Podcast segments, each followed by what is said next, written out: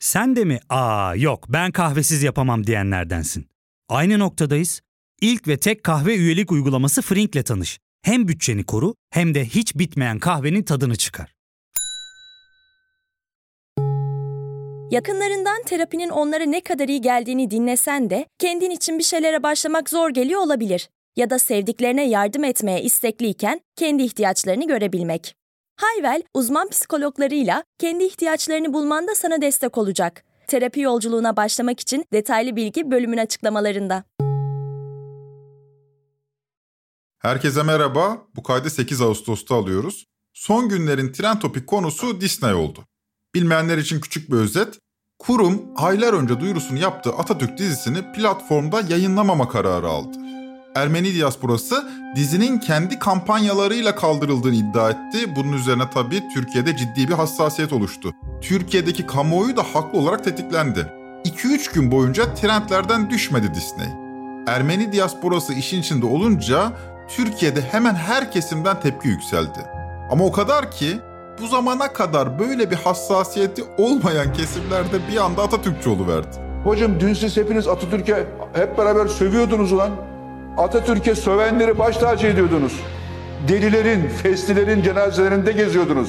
Atatürk'ü sevenler cenazeme gelmesin diyen heriflerin cenazesinde dolaşıyordunuz. Atatürk müslünün önünde çocuğunu götürüp küfür ettirenlerin peşinden koşuyordunuz. Bu mesele üzerine uzun uzun düşünmeye değer. Gazeteci Barış Terkoğlu da Cumhuriyet'teki Disney ile mücadele Atatürkçülüğü başlıklı yazısında bu konuyu işlemiş. Yazısında da bir veri paylaşmış. Son 5 yılda Atatürk'e dönük hakaretamiz ifadeler nedeniyle Rütü'ye 2672 şikayet ulaşmış. Bunların sadece 4'ü hakkında işlem yapılmış. Mesela Mustafa Kemal Zurna'nın son deliğiydi denmiş. Asker maaşıyla bu kadar mal varlığını nasıl edindi ya bu adam denmiş. Bunlar sorun olmamış. Bu Ermeni diasporası ifadesini ben kendimi bildim bile duyarım. Siz de duymuşsunuzdur. Diaspora ifadesini biz Türkler Ermenilerden öğrendik. Nedir bu diaspora? İşte yurt dışındaki lobi faaliyeti gibi değerlendirilebilir. Fakat belli ki Türkiye'de böyle bir diaspora gücü bulunmuyor. Böyle bir lobi gücü bulunmuyor. Neden bulunmadığına ilişkin Türkiye'nin hariciye geleneğinin ne durumda olduğuna ilişkin daha uzun düşünmek gerekir. Yani bu kadar etkili bir Ermeni diasporası varken aynı etkide bir Türk diasporası ya da aynı etkide bir dışişleri hariciye gücü neden bulunmuyor? Fakat bu Disney meselesine farklı bir pencereden bakmak isterim. Kutsal hale gelmiş kişilerin ki Atatürk de böyle bir kişidir, filmlerini, dizilerini yapmak çok zordur. Bu işlerde çığır açan film mesela The Message. Türkçe adıyla Çağrı filmidir. Hepimizin bildiği bir film. Film şu uyarıyla başlar. İslam tarihçileri, Kahire'deki El Azhar Üniversitesi, Lübnan'da toplanan Yüksek İslam Kongresi bu filmin gerçeklere uygun olduğunu onaylamıştır. Filmin yapımcıları İslam geleneklerine uyarak peygamberi kişi olarak göstermemiş, sadece İslamiyete çağrısına yer vermiştir. Bu uyarı aslında sanatçının bir referansa saklanma ihtiyacıdır. El Eser Üniversitesi'nden alınan referans İslamiyet'in nasıl doğduğunu tırnak içinde söylüyorum kazasız belasız anlatmanın işlevsel bir yoludur. Nitekim filmde dört halife ve Hz. Muhammed gösterilmez. Çağrı filminden sonra çekilen aynı konseptteki hemen her filme bu notla giriş yapılır. Mesela TRT 7 yıl önce Hz. Muhammed'in hayatını belgesel haline getiriyor. Belgeselin adı Vahyin izinde. Aynı anons bu belgeselin girişinde de yapılıyor. İslam tarihçileri ve Marmara Üniversitesi akademi takımı bu drama belgeselin gerçeklere uygun olduğunu onaylamıştır. Yani sanatçı, yönetmen, senarist her kim ise kutsal bir kişi hakkında bir içerik üretecekse daha önce kazasız belasız yapılmış bir içeriği referans alıyor. Çağrı filminin de izinden gidiliyor bu haliyle. Atatürk için de benzer bir durum söz konusudur. Fakat İslam konusunda referans El Eser Üniversitesi'dir de Atatürk'te referans kimdir? Burada Türkiye Cumhuriyeti referansı eskiden önem arz ediyordu. Yani bizzat devletin kurumsal kimliği önem arz ediyordu. Yani devlet Atatürk'ün hatırası konusunda titizdir. Herkes bunu kabul ederdi. Mesela 75. yılda TRT'nin çektiği Kurtuluş dizisi ve Cumhuriyet filmi bu konudaki referanslardır. Kimse de bu dizilere laf edememişti. TRT'den iyi bilecek de değildik, öyle düşünürdük. Bizim hikayemizi kazasız belasız anlatmanın yolu bu dizilerin izinden gitmektir bu nedenle. Harbiyeliler. Savaş ve yenilgi acılar içinde büyüdünüz. Sonra da işgal altındaki okullarınızdan kaçarak bin bir zorluk içinde milletimizin kurtuluş mücadelesine katılmak için Ankara'ya geldiniz. Burada da yoğun ve yorucu bir eğitimden geçtiniz. Ne çocukluğunuzu bildiniz, ne gençliğinizi yaşadınız. Yarın da çok sert bir savaşın içinde olacak ve gerekirse canınızı feda edeceksiniz. Burada daha önce birkaç kez daha işlemiştik. Cumhuriyet'in 100. yılını kutlamamıza 3 ay kaldı. Siz Türkiye Cumhuriyeti'nin yani devletin bu konuda herhangi bir hazırlığını görüyor musunuz? Ya devletin kendisi daha kendi 100. yılını o kadar büyük coşkuyla kutlama eğiliminde değil. 2022-29 Ekimi ile 2023-29 Ekimi arasında bir fark var gibi mi sizce? Sonuç olarak 100. yılın filmini çekmek küresel bir şirkete yani Disney'e kalınca böyle kısır tartışmalarla didişip duruyoruz. Gündelik hayatımızdaki mutsuzlukların, endişelerin siyasi sonuçlar doğurmadığı bir dönem başlıyor. Yani ekonomi kötü gidiyor mesela, fiyatlar ateş pahası. Gelecek endişeleri aynen duruyor. Ama bunun siyasette bir karşılığı bulunmuyor. Tablo ortada. 3 Ağustos'ta Temmuz ayı enflasyonu açıklandı. Aylık enflasyon %9.49 olmuş. Daha önce hiçbir Temmuz ayında bu oranda bir enflasyonla karşılaşmamıştık. Hatta bu oranın altında yıllık enflasyon olan 135 ülke var. Bakın bizim bir ayda yaşadığımızı bir yıla yaygın şekilde yaşayan 135 ülke var. Çarşı pazarda gündem fiyatlar. Hemen her gün bir başka pişmanlık bildiren sokak röportajı viral oluyor. Bir inşaat işçisi Erdoğan'a oy vermeyenlerden helallik istemiş. Yapacağız böyle yapacağız. Bizim beynimizi yıkmaya çalışarak bu şekilde de AK Parti'ye oy verdik. Verdiğim oylardan dolayı ben gerçekten vicdanen çok rahatsızım. Pişmanım da. Herkesin de bana karşı oy verdiğim için yani haklarını helal etmesini istiyorum. Bu videoların altına yapılan yorumlara baktım. Neredeyse herkes sandık gelsin yine gider Erdoğan'a verirsin mealinde şeyler yazmış. Haksızlar mı? Valla rahat rahat haksızlar diyemiyoruz. Fakat haksız değillerse nasıl oluyor bu? Bunu açmak gerekir.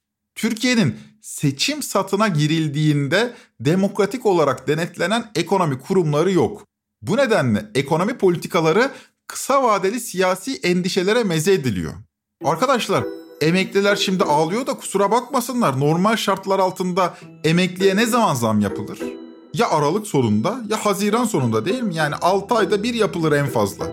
Bazı dönemlerde 3 ayda bir yapıldığı da olmuş.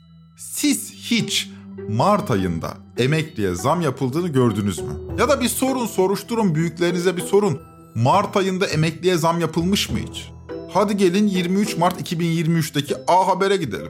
Tabii gelinen noktada enflasyon ilk aylarda hızlı bir şekilde düşmeye başladı ama daha da düşecek. Ama etkileri hala üzerinde duruyor ekonomi üzerinde. O yüzden emeklerimiz etkilenmesin diye Sayın Cumhurbaşkanı da hep emeklinin yanında olmuştur. 5500 TL olan en düşük emekli maaşını 7500 TL yükseltti. Gerçekten sürpriz oldu. Ve insanlarımız emeklerimize bir can niteliğinde oldu aslında Aktan Bey. Emekliye seçimden önce zam verildi yani. Temmuz ayında herkese zam yapılıp 7500 TL'lik en düşük emekli aylığı arttırılmayınca bir tuhaflık oluyor da reis o zammı işini bildiği için Mart'ta yaptı. Ya durup durup hatırlamak lazım. Bence tarihe geçecek bir işti. Seçim ayında doğalgaz bedava dağıtıldı. Ya bundan 3 ay önce nasıl bir atmosfer vardı değil mi? Her şey toz pembeydi.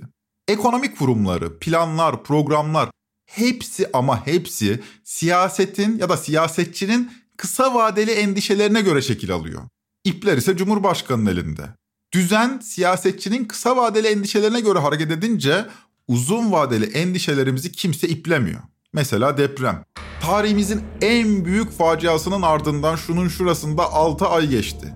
İçimizi rahatlatan, bu sefer değişiyoruz dedirten, hükümet ölçeğinde bir plana, programa rastladınız mı? Rastlamadığınız gibi memleketin en meşhur yer bilimcilerinden Celal Şengör, Fatih Altaylı'ya deprem endişesi nedeniyle İstanbul'u terk ettiğini açıklamış. Celal Şengör İstanbul'dan ayrılmış yani, Asos'a yerleşmiş. Sebebi de deprem. Bu arada hoca yanlış anlamayın, kendi evinden endişe etmiyor.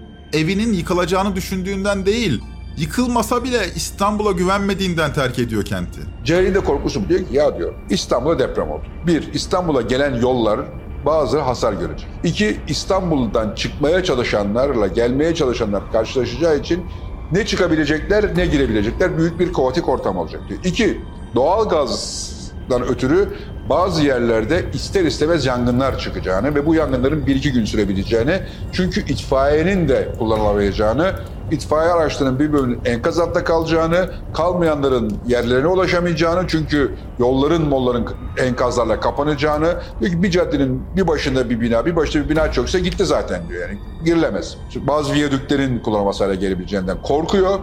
Ve diyor ki bir İstanbul'da müthiş bir kaotik ortam olur. Bu birkaç gün sürer. Bu arada açlık, yemek içmek yok, şu yok, bu yok. Ciddi bir sıkıntı olur diyor ve yağmalar başlar diyor. Siz de Celal Şengör'ün yaptığı gibi Asos'taki yazlığınıza taşınabilirsiniz. Benim size tavsiyem budur. Ben ne yapıyorum derseniz İstanbul'daki evimin yıkılmayacağını umuyorum. Ardından bir biçimde hayatta kalacağımı düşünüyorum ve Yaradan'a sığınıyorum. Çünkü benim endişelerimi gideren, bırakın gidermeyi, gidermeye çalışan bir kamu otoritesi yok. Umurlarında değiliz. Çünkü bu otorite de biliyor ki deprem de olsa fatura kendisine kesilmiyor. Ben de kendi adıma kader planına inanıyorum artık. Yapacak bir şey yok. Sonumuzu bekliyoruz. Birileri bununla dalgasını geçebilir ama önemli değil. Biz kader planına inanmış insanlarız. Kader planına da inandığımız için bunun ne dünü, ne bugünü, ne yarını hiçbir zaman ne yapmayacaktır? Olmayacaktır. Allah kahretsin diyorsunuz da ham gerçek karşımızdaki. Biz işimize dönelim ve Türkiye'nin hakiki sorunlarını masaya yatırmaya devam edelim. Üniversite tercihlerinde son gün 8 Ağustos yani bugün. 3,5 milyon genç için kritik bir tarih. Peki ya bu jenerasyon için üniversite eğitimi ne anlama geliyor? Gelin bugün Türkiye'nin üniversite sistemini konuşalım. Tercih dönemi bittiğine göre kafa karıştırmış da olmayız. Ben Ozan Gündoğdu, hazırsanız başlayalım.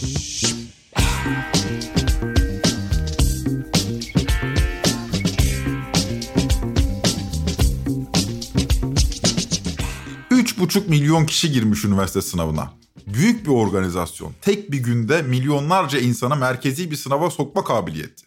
1980 yılından bu yana 17-18 yaşındaki gençlerin en büyük heyecanı bu sınavlar.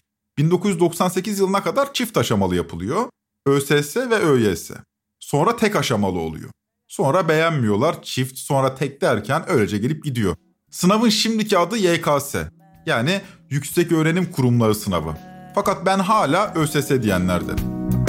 Binlerce test çözüp sınavlardan geçip ÖSS ve ÖYS bir sürü bilmece belki en yakın arkadaşınla yarıştırıldın ve sen kazandın Eğitim sistemimiz öylesine sorumludur ki bu sistemin en adil kısmını oluşturuyor ÖSS. Ya da yeni adıyla YKS. Öyle ya da böyle. Herkesin aynı gün, aynı saatte, aynı sorulara muhatap olduğu merkezi bir sınav yapıyor ve bu sınavla üniversite sistemimize giriliyor. Peki ya üniversite sisteminiz sorunluysa üniversite sınavı neye dönüşüyor? YÖK'ün sitesinden verilere göz attım. 2022-2023 eğitim yılında 3 milyon 754 bin lisans öğrencisi varmış. Bakın üniversite öğrencisi demiyorum lisans öğrencisi. Ön lisans, yüksek lisans ve doktorayı da sayarsak üniversite sisteminin içinde toplam 6 milyon 950 öğrenci var. Meslek yüksek okullarını hiç üniversiteden saymıyorum onlar hariç. Yani kabaca 7 milyon üniversiteden bahsediyoruz. Fakat bu sayının içerisinde 2 milyon 850 binde açık öğretim öğrencisi var. Onu da çıkaralım. Sonuç örgün eğitimde 4 milyonu aşkın üniversite öğrencimiz var. Türkiye nüfusunu veri aldığımızda her 100 kişiden 5'i örgün eğitimdeki üniversite öğrencilerinden oluşuyor. Her 100 kişiden 5'i üniversiteli. 40 yıl geriye 82-83 yılına gidelim. Örgün eğitimdeki toplam üniversite sayısı kaç biliyor musunuz o yıl? 295.098. O yıl 44 milyon olan nüfusu oranladığımızda her 1000 kişiden 6'sı üniversiteli. 40 yılda üniversite öğrencilerinin nüfusu oranı 10 kat artmış. Düşünün nüfus da iki katına çıkarken yaşanıyor bu gelişme. Şimdi gelelim 4 milyon üniversite öğrencisine. Ne yapacak bu kadar insan mezun olduğunda? Ankara'da zabıta alımı yapılacaktı ama hukuk iktisat fakültesi mezunları daha çok zabıta olmak için o kuyruğa girdiler. Kamu adına da büyük büyükten bahsediyoruz. Düşünün öğrenci başına binlerce dolarlık harcama yapıyorsunuz. Yani aileler yapıyor bir de üzerine kamu da bir harcama yapıyor. Fakat bu öğrencinin eğitiminden kimse faydalanmıyor. Bir genci okutup mühendislik eğitimi veriyorsunuz. Sonra bu genç zabıta oluyor. Günün sonunda kendi işini yapmayacağı belli olan milyonlarca insana kaynak ayırıyorsunuz. Neden? Çünkü bu işleri planlı programlı yapmamışsınız. Kafanıza göre üniversite açmışsınız. İlk görünce şoka girdim. Türkiye'de acil yardım ve afet yönetimi diye bir bölüm olduğunu biliyor muydunuz? Acil yardım ve afet yönetimi. Bunlardan biri de nerede biliyor musunuz? Hatay Mustafa Kemal Üniversitesi'nde. 4 yıllık. Sayısalla giriliyor. Bu bölümlerden Türkiye çapında 10 tane var. Sakın böyle bir bölüm olmasın dediğim düşünülmesin. Olsun elbette. Olsun da insan faydasını da görmek istiyor. Açık öğretimi hariç tutarsanız 2022 yılında üniversiteden 689 bin genç mezun olmuş. Son 5 yılda açık öğretim hariç mezun olan üniversite sayısı kaç biliyor musunuz? 3 milyon 493 bin. Son 5 yılda 3,5 milyon insan üniversiteden mezun olmuş. Açık öğretim hariç diyorum bakın. Şimdi kulağınızı dört açın. Son 5 yılda istihdam edilen kişi sayısı 2 milyon 572 bin artmış. Ya hiçbir liseli, hiçbir ilkokul mezunu işe girmemiş olsun. Denilsin ki biz sadece üniversite mezunlarını işe alıyoruz. Üniversite diploması olmayan çalışamaz. Yine de 1 milyon üniversiteli açıkta kalıyor. Reis de bu veriyi biliyor ve kabul ediyor. Efendim işte işsizlik var. Olabilir. Yani her üniversiteyi bitirdiği zaman iş sahibi olacak diye de bir şey yok. Bunu dünyanın hiçbir yerinde bulamazsınız. Yani bu düzen böyle giderse 8 Ağustos tarihi itibariyle üniversiteye kayıt yaptıracak her 4 öğrenciden biri çalışmayacak. Bakın girdiği bölümün işini yapmayacak demiyorum yanlış anlamayın. Çalışmayacak diyorum. Bu daha tuhaf bir kaynak israfıdır. Üniversite mezunu işsizlikten bahsetmiyorum. İşsiz dediğiniz kişi iş aramaktadır. Üniversite mezunusunuz ve çalışmıyorsunuz. İş de aramıyorsunuz. Bu durumda olan kaç kişi var biliyor musunuz? 2 milyon 724 bin. 2 milyon 724 bin kişi üniversite diploması var ve evinde oturuyor. Bunların çoğunluğunun kadın olduğunu söylememe gerek yok sanırım. Bu kişilerin %65'i kadın. Diplomalı ev kadınları. Ne tuhaf hadise değil mi? Diplomalı ev kadınları üzerine biraz daha düşünmek gerekir. Bu bölümde değil ama ama uzun konuşmak gerekir. Siz düşüne durun, bir kısa bir ara verelim biz. Dönünce mezun olduktan sonraki iş fırsatlarını konuşacağız. Ya fark ettin mi? Biz en çok kahveye para harcıyoruz. Yok abi, bundan sonra günde bir. Aa, sen Frink kullanmıyor musun? Nasıl yani? Yani kahvenden kısmına gerek yok. Frink'e üye olursan aylık sadece 1200 TL'ye istediğin çeşit kahveyi istediğin kadar içebilirsin. Günlük 40 TL'ye sınırsız kahve mi yani? Çok iyiymiş. Aynen. Hatta şu anda 200 TL'lik bir indirim kodu da var. E hadi hemen indirip üye ol da bu fırsatı kaçırma. Terapiye başlamak, içinden çıkamadığın döngüleri kırmak, bazı yanlış bulduğun kararlarını değiştirmek ve kendinle beraber daha huzurlu bir yaşam inşa etmek için atabileceğin en değerli adımlardan biri. Hayvel ile yoğun yaşam tempona uyum sağlayarak online terapi seanslarını takvimine göre ayarlayabilirsin. Bini aşkın uzmandan sana en uygun terapisti seçebilir, podb10 koduyla indirimden yararlanabilirsin. Detaylı bilgi açıklamalardaki bağlantıda. Şimdi bu üniversite meselesinde mezun olduktan sonra ne yapacağınız önemli. Gördüğünüz üzere diploma bırakın iyi bir işi, işe girme garantisi bile vermiyor. 2002 yılında Türkiye'de 73 üniversite varmış. Bugün 129'u devlet, 75'i vakıf olmak üzere toplam 204 üniversite var. Yine meslek yüksek okullarını saymıyorum. 4 tane de MYO var yani. 20 yılda üniversite sayısını 3'e katlamışız. Benim hiç duymadıklarım var. Eskişehir Teknik Üniversitesi varmış mesela. Hiç bilmiyordum. 2018'de açılmış. Eskişehir üniversite kentidir de işte Osman Gazi Üniversitesi vardır, Anadolu Üniversitesi vardır. Üçüncü de Eskişehir Teknik Üniversitesi'ymiş. Devlet Üniversitesi bu arada. Girişte Çağrı filmine referans olan El Eser Üniversitesi'nden bahsetmiştik. Bu bir İslam üniversitesi. Bizim de artık bir İslam üniversitemiz var. İlahiyat fakülteleri demek ki ihtiyacı karşılamamış olacak ki 2018'de Gaziantep İslam Bilim ve Teknoloji Üniversitesi kurulmuş. İslam, Bilim ve Teknoloji. Bir aşağılık kompleksi de var. O kokuyu alıyorsunuz değil mi? Rektörü de bizde ilahiyat alanındaki en önemli isimlerden büyük mütefekkir Nihat Hatipoğlu. Bir gün Cebrail Resulullah'ın yanına geldi. Rengi değişmişti Cebrail'in. Sapsarı gibi sanki. İnsanın benzi atar ya öyle öylesine işte. Benzi atmış sararmış. Üniversite sayısı 3 katına çıkmış. Hele ki İstanbul'da. 13 adet devlet, 44 adet vakıf üniversitesi varmış. Toplam 57 üniversite.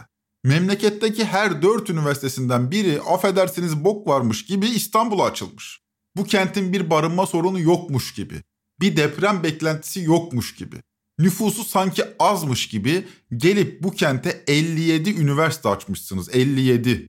E çünkü ticaret de burada, sermaye de burada. Bilimsel üretimin bunların yanı başında olması gerekir. Bilim onlar için yapılıyor çünkü. Sadece üniversite sayısında hızlı bir artış yok bu arada. Bölümler de giderek departmanlaşıyor. Ne demek bu? Eskiden piyasanın talepleri üniversite sistemine çok müdahil olmazdı. Yani birkaç iş adamı istiyor diye bölüm açılmazdı. Üniversite sistemi sermayenin taleplerine göre organize olduğunda üniversitenin bilimsel üretimi de nitelik değiştiriyor tabii. Örneğin eskiden sadece makine mühendisliği vardı. Makine mühendisliği. Şimdi otomotiv mühendisliği var, uçak mühendisliği var, mekatronik mühendisliği var, e makine mühendisliği de var. Eskiden iktisat bölümü vardı sadece. Şimdi maliye var, bankacılık finans var, çalışma ekonomisi var, e iktisat da var. Eskiden bu bölümler yüksek lisans bölümleriydi. Siz iktisat okurdunuz, sonra örneğin bankacılık ve finans alanında yüksek lisans yapardınız. Şimdi liseden çıkıp bankacılık ve finans okuyorsunuz. İktisatın da temel konularını gösteriyorlar size. Günün sonunda gişede duracak nitelikli personeliniz hazır. Aslında bir nevi üniversite düzeyindeki meslek liseleri bunlar. Üniversite eğitimini bir tür meslek edindirme kursuna indirgemek bu. Böylece bilimsel nitelik kabuk değiştiriyor. İşte buna departmanlaşma deniyor. Bu departmanlaşma sürecinin sonunda üniversite eğitiminin kendine has, derinlik gerektiren, insanlığa da hizmet eden bilimsel karakteri böylece törpüleniyor. Departmanlaştıkça teknik eleman yetiştiricilerine dönüşüyor üniversite eğitimi. Orta sınıflara ait olduğunu düşünen üniversiteli genç için de bir işçileşme süreci bu. Üniversite hayatındaki garibanlık da bu sürecin antrenmanı. Bir Kuple adlı Instagram hesabını dinleyelim. Bir ev alsan da alamazsın Hayalini kursan kuramazsın Kombi açsan açamazsın. Bu kış fena donacaksın. Ay sonu gelmeden Paralar suyunu çekince Hakkıdır güce tapan Milletimin istismar Sofra kursan kuramazsın Bir telefon bile alamazsın Onlar gibi çalamazsın Suya ekmek bağlarsın Ay sonu gelmeden Paralar suyunu çekince Hakkıdır güce tapan Milletimin istismar İşin bir diğer boyutu da üniversite hayatının çok ağır maddi sorunlarla geçirilmesi tabii. Bu neredeyse her zaman böyleydi. Yani öğrenci hiç öyle konforlu olmadı. Dünyanın hiçbir yerinde de böyle çok konforlu bir öğrencilik hayatı yok. Ama şu son 5 yıla bakıyorum. Üniversite 2018 ya da 2019'da falan girenler mezun oldularsa ben size söyleyeyim. Unutulmayacak bir jenerasyonsunuz arkadaşlar. Ömrünüz boyunca bunun hikayesini anlatabilirsiniz. Ben 2019'da üniversiteye girdim diye başlayan bir hikaye eminim oldukça enteresan olacaktır. Şu ihtimal var bakın. Pandemi boyunca neredeyse 4 dönem okula gitmediniz. Bu süre boyunca olağanüstü şekilde artan kiraları endişeyle izlediniz.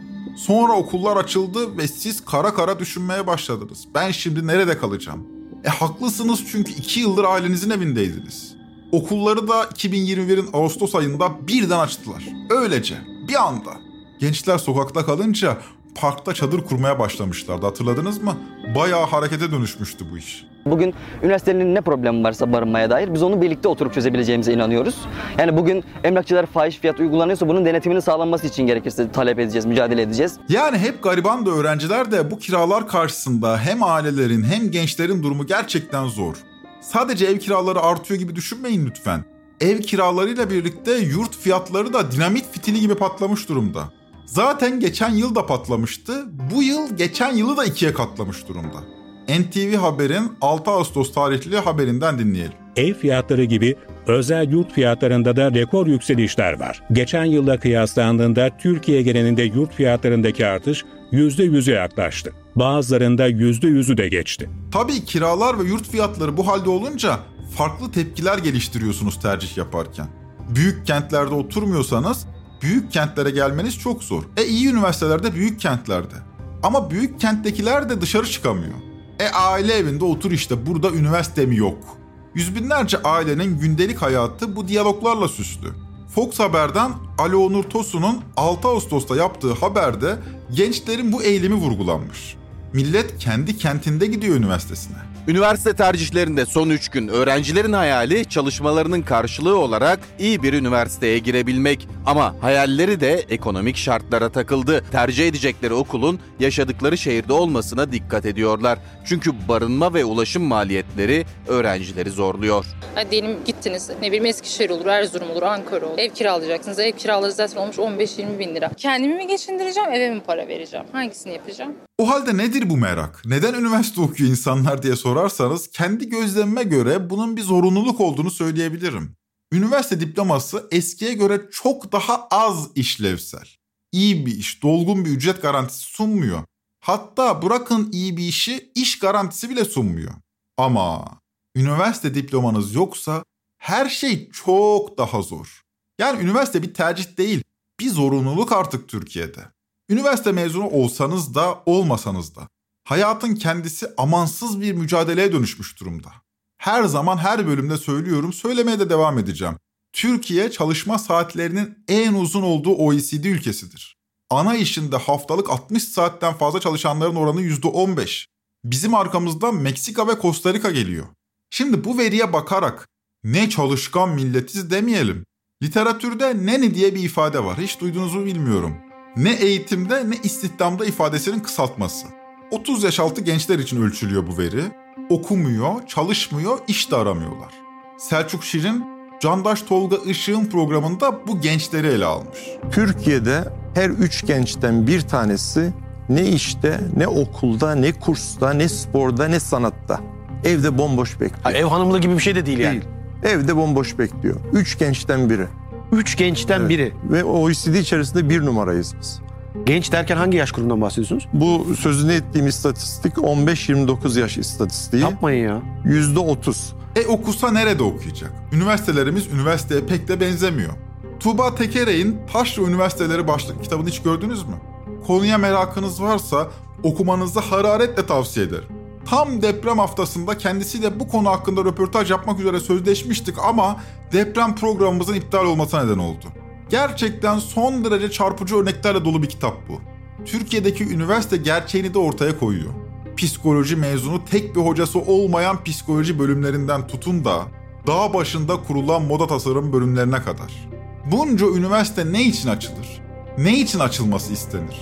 Tuğba Tekerey'in Mirgün Cabas'ın Gain Haber'de hazırladığı programı anlattıkları bu sorunun cevabını veriyor aslında. Sanıyorum 2015 yılında Giresun Üniversitesi belli nedenlerle 3 hafta geç açılıyor. Buna karşı çıkan Giresun Otel ve Kahveciler Odası oluyor. Diyorlar ki yani zaten bu sene fındık da kötü gitti. Şehrimizde para sirkülasyonu yok. Bu ifadeyi kullanıyorlar. Yani öğrenciler bir para sirkülasyonu olarak görünüyor. Üniversite kent ekonomisinin döndürülebilmesi için bir aparata dönüşmüş durumda. Ülkenin üniversitelerden beklediği de 3 aşağı 5 yukarı kent ekonomisine müşteri kazandırmaktan ibaret. Bu kadar kurum aynı zamanda kadrolaşma da demek. Rektörler, dekanlar, profesörler, doçentler. Sıfatlarına baksanız bir şeye benzeteceğiniz adamlar, kadınlar. Fakat oturup konuşunca afallıyorsunuz. Hocam diye hitap ettiğiniz zır cahil tipler. Hepsi için demiyorum elbette fakat kabul edelim. Türkiye'nin üniversite adını verdiği kurumlar evrensel anlamda üniversite falan değiller. Adı üniversite. Mezunlarının da adı üniversite mezunu. Reis hepimizi üniversite mezunu yaptı da adı oldu sadece bunun. Adımız üniversite mezunu. Eğitim hayatınızın sonunun üniversite diplomasıyla bitmesi size çok büyük avantajlar kazandırmıyorsa lise hayatının ne anlamı kalıyor? Onu da at çöpe. Bize iş gerek, eğitime ne gerek var? İşte bu şiarla 2021'in sonunda hayatımıza girdi mesleki eğitim merkezleri. Bunlar kağıt üstünde lisedir sevgili dostlar. Mesleki teknik Anadolu liselerinin aslında bir tür alt birimi. Fakat okula bir gün gidersiniz buralarda, haftada sadece bir gün gidilen okul mu olur demeyin, dört günde işe gidiyorsunuz. Maaşınızı da devlet işsizlik fonundan veriyor. Ne kadar para peki? 9, 10 ve 11. sınıftaysanız yani 15, 16, 17 yaşındaki insanlarsanız siz asgari ücretin %30'unu, 12. sınıftaysanız asgari ücretin yarısını alıyorsunuz. Kars Kağızman'daki Mesleki ve Teknik Anadolu Lisesi öğrencileri mesela sanayide geçiriyor lise hayatlarını. Bir ustabaşı Kağızman TV'ye konuşmuş. Meslek eğitim öğrencilerinin meslekleri daha iyi kavrayabilmeleri için usta öğretici belgesi olan ustaların farklı meslek dallarında eğitim veriyoruz. Haftanın 4 günü bizim yanımızda staj görüyorlar, bir gün okula gidiyorlar. Sigorta ve maaşları devlet tarafından karşılanıyor. Hem ahlak dersi veriyoruz biz burada hem istihdam amaçlı meslek öğretiyoruz burada öğrencilere. Patron para vermiyor, bedava işçi. Para işsizlik fonundan ödeniyor. O da asgari ücretin %30'u. Hiç değilse iş öğreniyorlar demeyin. Bir mutfak işçisi liseli 4 yıldır salatalık doğradığını söylüyor. Bir diğeri beni çay ocağına koydular çay getirip götürüyorum diyor. Bir başkası iş yerinde ustasından dayak yediğini anlatıyor. Şimdi siz kendi yerinize koyun. Böyle bir lise hayatını ister miydiniz? Siz bunu düşüne durun, ben size verileri paylaşayım. 2021'de bu mesleki eğitim merkezleri ilk açıldığında 159 bin öğrencisi varmış. Bugün kaç peki? 1 milyon 405 bin öğrenci. Liseyi işçi olarak okuyanların sayısı 2 yılda 9 katına çıkmış. E iyi para. Bu sene mesleki eğitim merkezlerinde bir gün okuyup 4 gün çalışacak bir liseli işçinin cebine 3420 lira geçecek. Mezun olunca da asgari ücrete kavuşacak. Düzen yalnızca kamu kaynaklarını sömürmüyor. Beraberinde emeğimizi, emek gücümüzü de sömürüyor. 1,5 milyon genç Türkiye'nin merdiven altı atölyelerine güç katıyor. Bu arada İşçi Sağlığı ve İş Güvenliği Meclisi de Temmuz ayı verilerini açıklamış. Haziranda 159 işçi iş kazaları sonucu ölmüştü. Temmuz'da 189 işçi ölmüş. Her gün 6 kişi. Bu ölüm meselesi çok can sıkıyor. Bu konuyu geride bırakalım ama ölümü geride bırakmak ne mümkün. Altın Gün diye bir müzik grubu duydunuz mu hiç? Ben hayranlıkla takip ediyorum kendilerini. Grubun üyelerinin yarısı Hollandalı, yarısı Türk. Fakat Türkçe müzik yapıyorlar, yabancı müzik yapmıyorlar. 2019'da da Grammy'ye aday gösterildiler. Vurgulayalım, Grammy adayı oldu Gece isimli albümleri.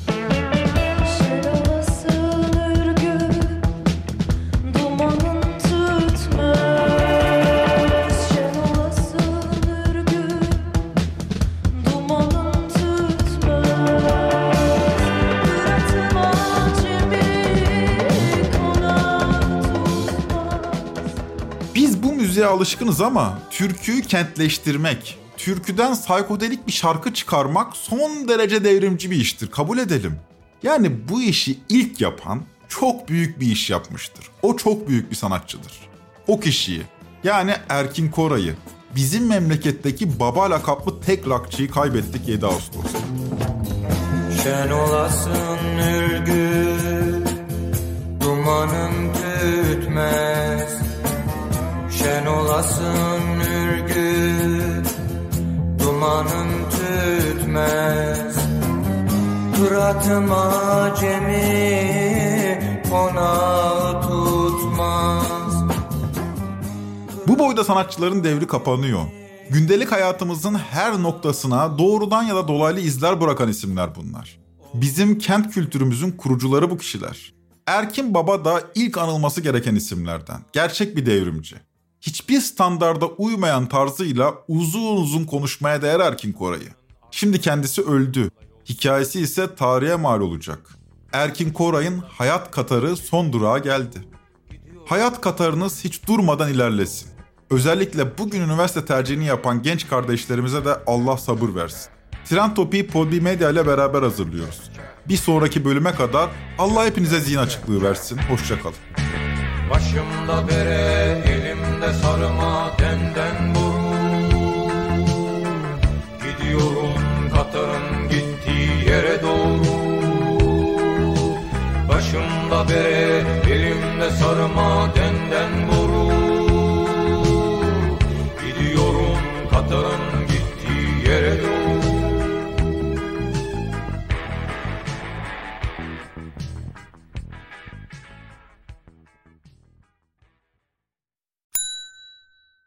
tek kahve üyelik uygulaması Frink, 46 ildeki 500'den fazla noktada seni bekliyor. Açıklamadaki kodu girerek sana özel 200 TL'lik indirimden faydalanmayı unutma. Hadi sen de Frink üyeliğini başlat, kahven hiç bitmesin. Hem bugününe hem yarınına katacaklarıyla terapi yolculuğuna ve daha iyi hissetmeye bugün Hayvel ile başla. Açıklamadaki linkten Hayvel'i indir, ücretsiz tanışma görüşmelerinin ardından bütçene uygun seans paketini seç ve terapi yolculuğuna başla.